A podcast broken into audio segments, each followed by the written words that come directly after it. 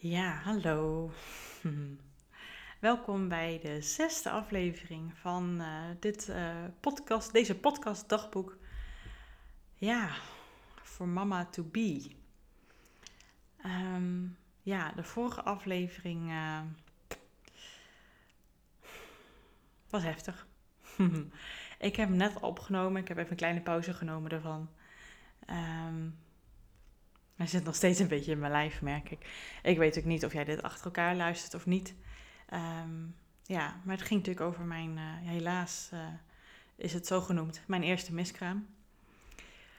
Um, maar waar ik het in deze aflevering, in ieder geval mijn intentie, we gaan even kijken waar die heen gaat, met je over wil hebben. En dat zei ik al een klein beetje aan het einde van de vorige aflevering. Uh, en ook aan het begin eigenlijk. Dat zo'n ervaring, zo'n rauwe ja, ervaring, iets wat, van, wat binnenin je zit, wat een wens is en wat je verliest. Wat dat allemaal wel manier met je doet. Maar ook wat het allemaal niet met je doet in een uh, mooie manier. Ja, echt. Um, kijk, ik heb ook een tijdje bedacht, nou, mocht het, mocht het ons lukken om uh, echt zwanger weer te worden, uh, gaan we het dan wel weer gelijk vertellen? Want ja, wij wisten het echt ja, op een dinsdag. En, en, en ja, een paar dagen daarna hebben we het, uh, ja, mijn ouders een paar dagen en, en, en, zijn, en, en mijn schoonouders verteld en vrienden. En niet iedereen, maar wel de belangrijkste mensen voor ons, of in ieder geval die we toen zagen, hebben we het gelijk verteld. Maar door de manier hoe ik het heb mogen delen met anderen, met, met zulke lieve, lieve mensen die ik heb. Uh, ben ik dus ook echt gaan beseffen dat ik zoveel lieve mensen heb. Uh, we zoveel lieve mensen in onze omgeving hebben. Um, en hoe zij er voor mij en ons geweest zijn, ook echt voor mijn man, absoluut. Um, hoe, hoeveel, la, laat ik het even bij mezelf houden, hoeveel dat voor mij enorm betekend heeft in het verwerkingsproces, in het rouwproces, het herstelproces dat het van hun er ook altijd mocht zijn als ik het er even wilde hebben. Ik had ook gewoon de behoefte om het ja, tussen gespre in, ja, in gesprekken door erover te hebben. Als dat het er gewoon was, dat, dat ik zwanger was, dat er een, ja, een, een, een, een, ja, zaadje was dat zich kon uitpoppen tot een babytje. Dat, dat, dat er ja, in die anderhalve week, hè, wat ik al eerder tussendoor heb laten heb verteld, stresskipje, controlfriekje Judith, die is natuurlijk gelijk als een malle, als een trein van het station gestegen. Uh, als een intercity en wel niet harder. Want ja, ik zag het helemaal voor me. Ik zat al na te denken over de kleuren in de babykamer. Welke dagopvang, want dat moet je op een gegeven moment al gaan regelen. De, de kinderopvang. Namen, die hadden we eigenlijk al en nog steeds. Uh, waar, komt de, waar komt wat? Wie ga ik vragen om tips? Hoe, jee, nee jongens. Ga ik borstvoeding geven of niet? Ik ik was uh, ook s'nachts weer aan het piekeren en aan het wakker liggen. Over al die vragen. Dus het was zo. Ook al voelde het ook alweer heel onwerkelijk, maar ook weer zo ja, echt in mijn hoofd. En, en ja, dat heb ik ook allemaal gedeeld met iedereen. En, en ja, de band met heel veel mensen. Met, met mijn vrienden, met familie. Uh, die in dat, ja, dat prille proces er waren ja, dat, die band is zoveel verstevigd, ver, ver, verdiept. Ver, ja, prachtig gewoon.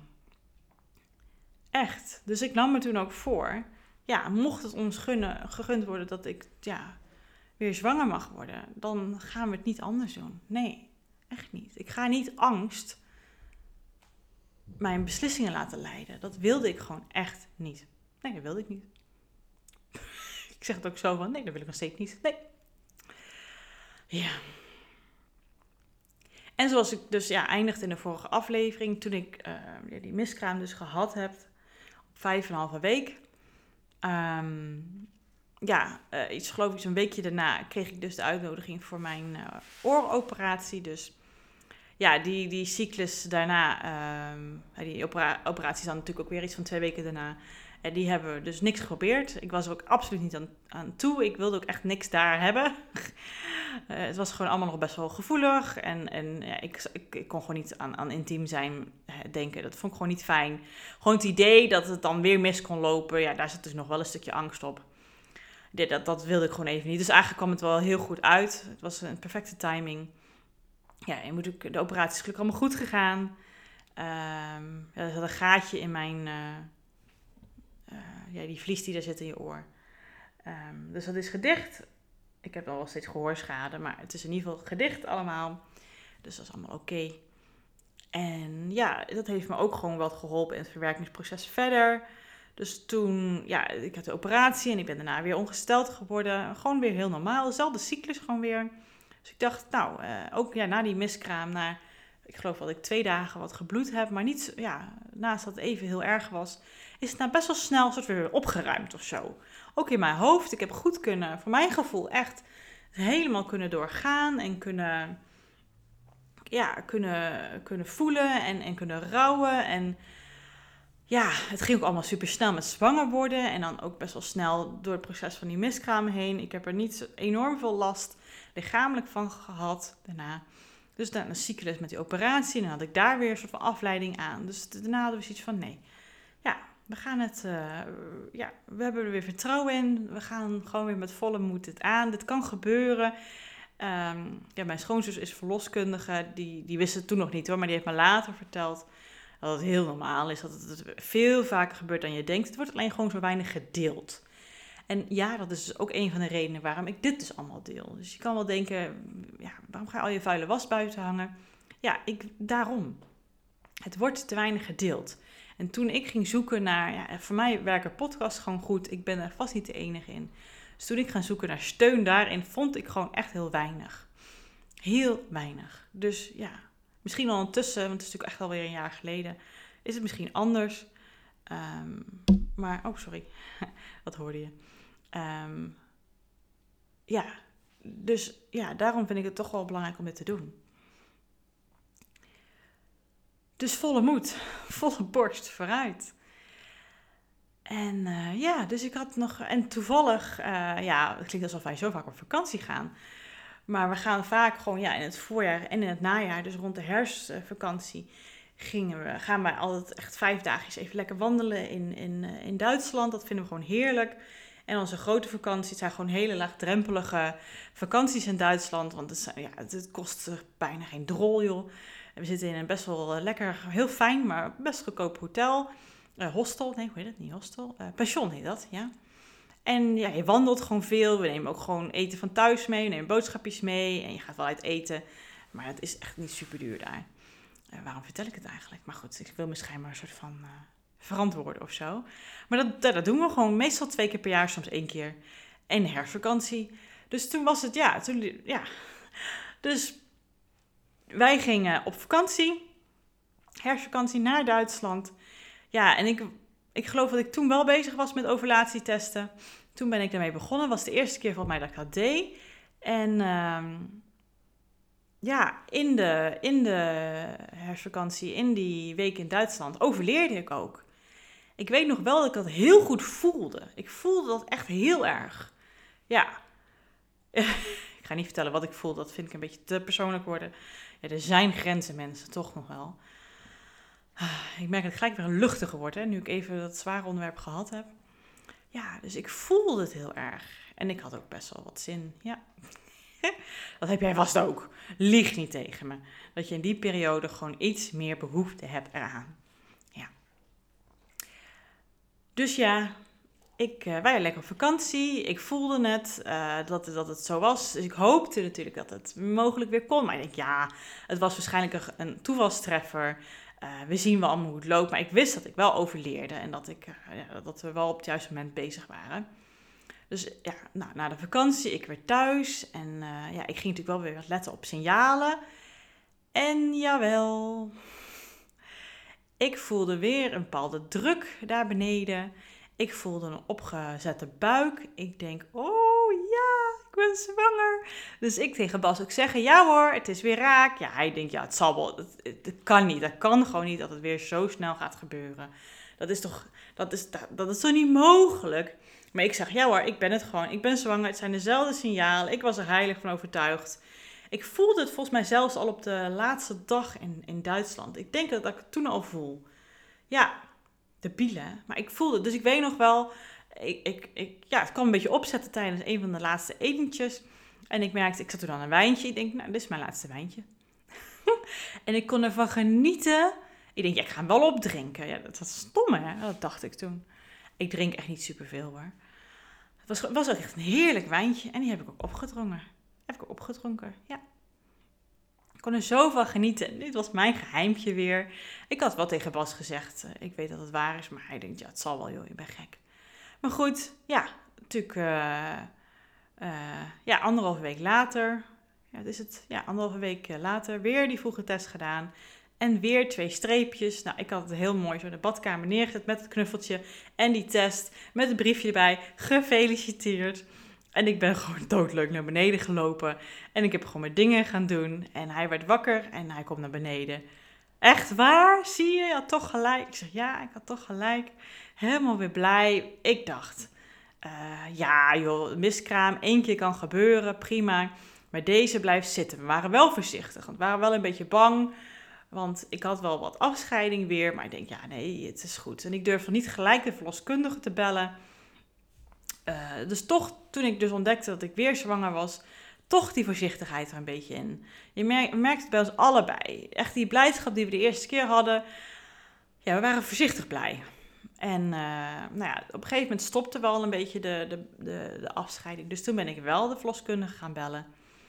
Maar ja, helaas, een paar dagen later begon het weer. En ik weer hetzelfde riedeltje, helaas. Ja. Godsamme, hè. Weer hetzelfde riedeltje toen weer, hè. Dus ik zei weer, ja, ik heb weer afscheiding. Ik hoop dat het nu wel goed gaat. Maar ze zei, kom toch maar weer. Het was nog steeds veel te vroeg. Ze zei, het kan nog alle kanten op gaan. Echt precies hetzelfde riedeltje. En een paar dagen later was het weer, weer, godsamme, weer missen. Ja, ik wil andere woorden gebruiken, maar ja, dat is nergens voor nodig. Maar echt, ik merk, er komt dan gelijk een hoofdpijn op hier. Oh, ik merk dat ik nu gewoon een beetje boos ben, weet je wel? Dat snap je vast ook wel. Ik merk dat ik gewoon een beetje boos ben, gefrustreerd. Maar ik, had, ik, ik, wist, ik wilde gewoon niet dat het ging gebeuren. Dus ik, ik weet nog, die ochtend stond ik onder de douche. En ja, er kwam gewoon bloed uit. Er kwam gewoon bloed. Ik voelde daar, ik had bloed aan mijn vingers. Ik, ik stond al half te huilen, maar half ook toch nog weer hoop te hebben. Want ik dacht, weet je, het kan nog steeds goed gaan. Het kan nog steeds goed gaan. Ik probeerde gewoon mezelf voor gek te houden. Wat ik natuurlijk nu weet hoe het gelopen is.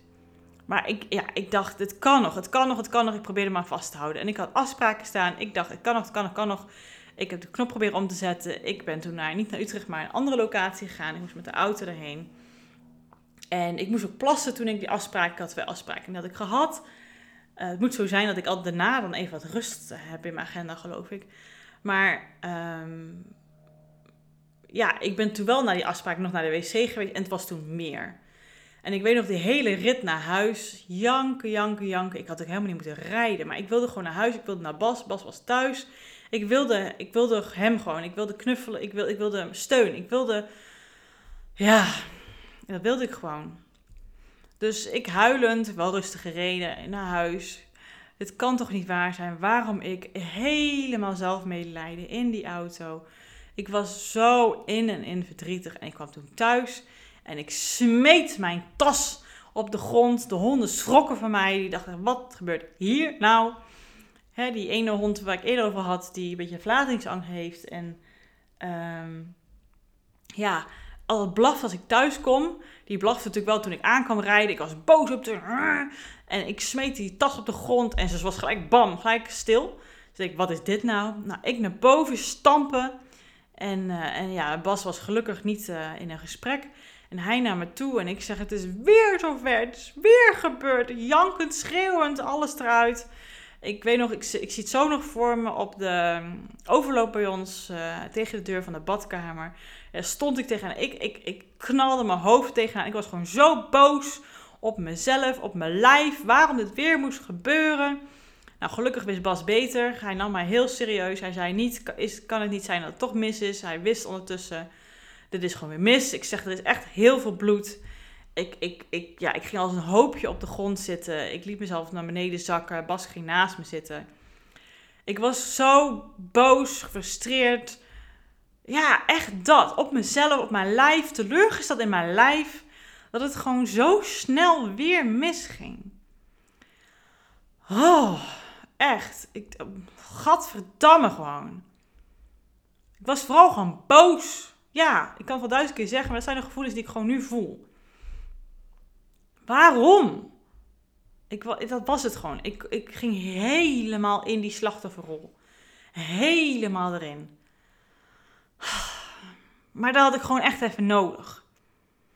Maar ergens ontkende ik het ook weer. Het verdriet. Ik was vooral gewoon boos. Ik was gewoon echt boos. En af en toe liet ik het dan wel weer toe. Dan was ik weer heel erg verdrietig. Nou, ik heb toen gebeld naar mijn schoonouders en mijn ouders. En ik heb gezegd: raad maar weer. Raad maar wat er weer gebeurd is. Want ik had het toen nog niet verteld. We wilden even wachten tot, tot die vijf en een halve week voorbij zouden zijn. Totdat we over die hobbel heen zouden zijn van die vijf en een halve week. Dat wilde, dat wilde ik ook gewoon heel erg. Ja, dat wilde ik gewoon. Ik wilde gewoon als we het dan vertelden, dat we in ieder geval over die hobbel heen waren. Weet je, dat is nog steeds wat ze volgens de boeken zeggen vaak van... je moet wachten tot, tot echt minimaal acht weken. En het liefst eigenlijk die echt, uh, die, die, die, wat is dat joh, die twaalf weken, dertien weken echo. Dat je precies weet dat het ook echt levensvatbaar is. En dat je echt over die grootste kans van miskraam voorbij bent. Maar ik wilde in ieder geval die vijf en een halve week af hebben. Ja, en ik had ook helemaal voor me... Uh, uh, dat, dat, ja, als na die zes, zes weken dat ik dus dan zwanger was, dan was ik namelijk bijna jarig. Dan werd ik 34 jaar.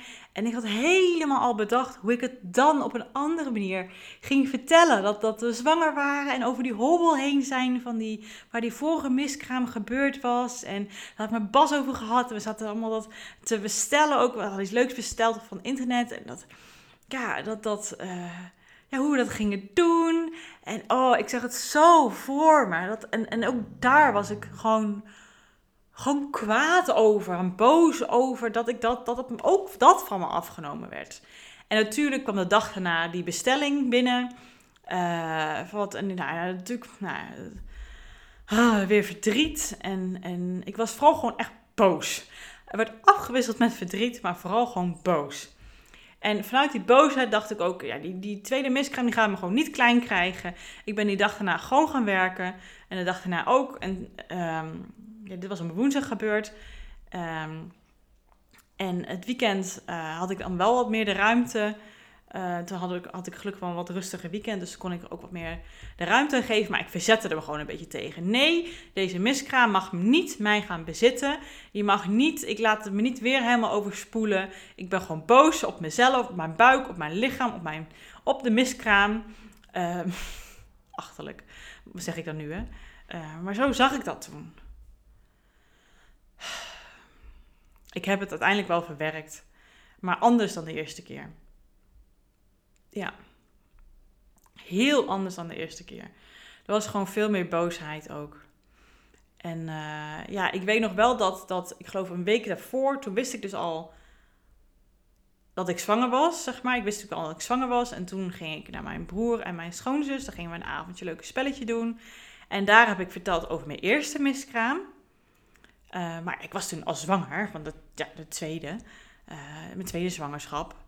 Um, ja, ik heb gezegd dat ik die avond ging rijden. En uh, dat ik wat meer uh, let op de alcoholinname en zo. Dus dat ik dan alleen maar thee drink. Um, dus ja, ik had hun niet verteld dat ik weer zwanger was. Want ik wilde het gewoon heel graag uh, over die hobbel heen hebben. En eerst stuk de ouders en schoonouders vertellen. Uh, maar goed, ja. Dus toen mijn schoon, broer en mijn schoonzus wisten het. Dus ik heb het hun ook laten weten. En mijn schoonzus is verloskundige. En dat zei ik eerder al. En die zei ook van, ja Judith, ja, ik vind het gewoon zo rot voor jou. We hebben ook even gebeld, het was heel prettig. En ze was er echt voor mij. Ze zei, ik zet nu even mijn verloskundige pet op. En weet dat ook echt twee miskramen, vooral ook zo vroeg, uh, echt veel vaker voorkomen dan je denkt. Nou, ergens sterkte dat ook mij wel weer.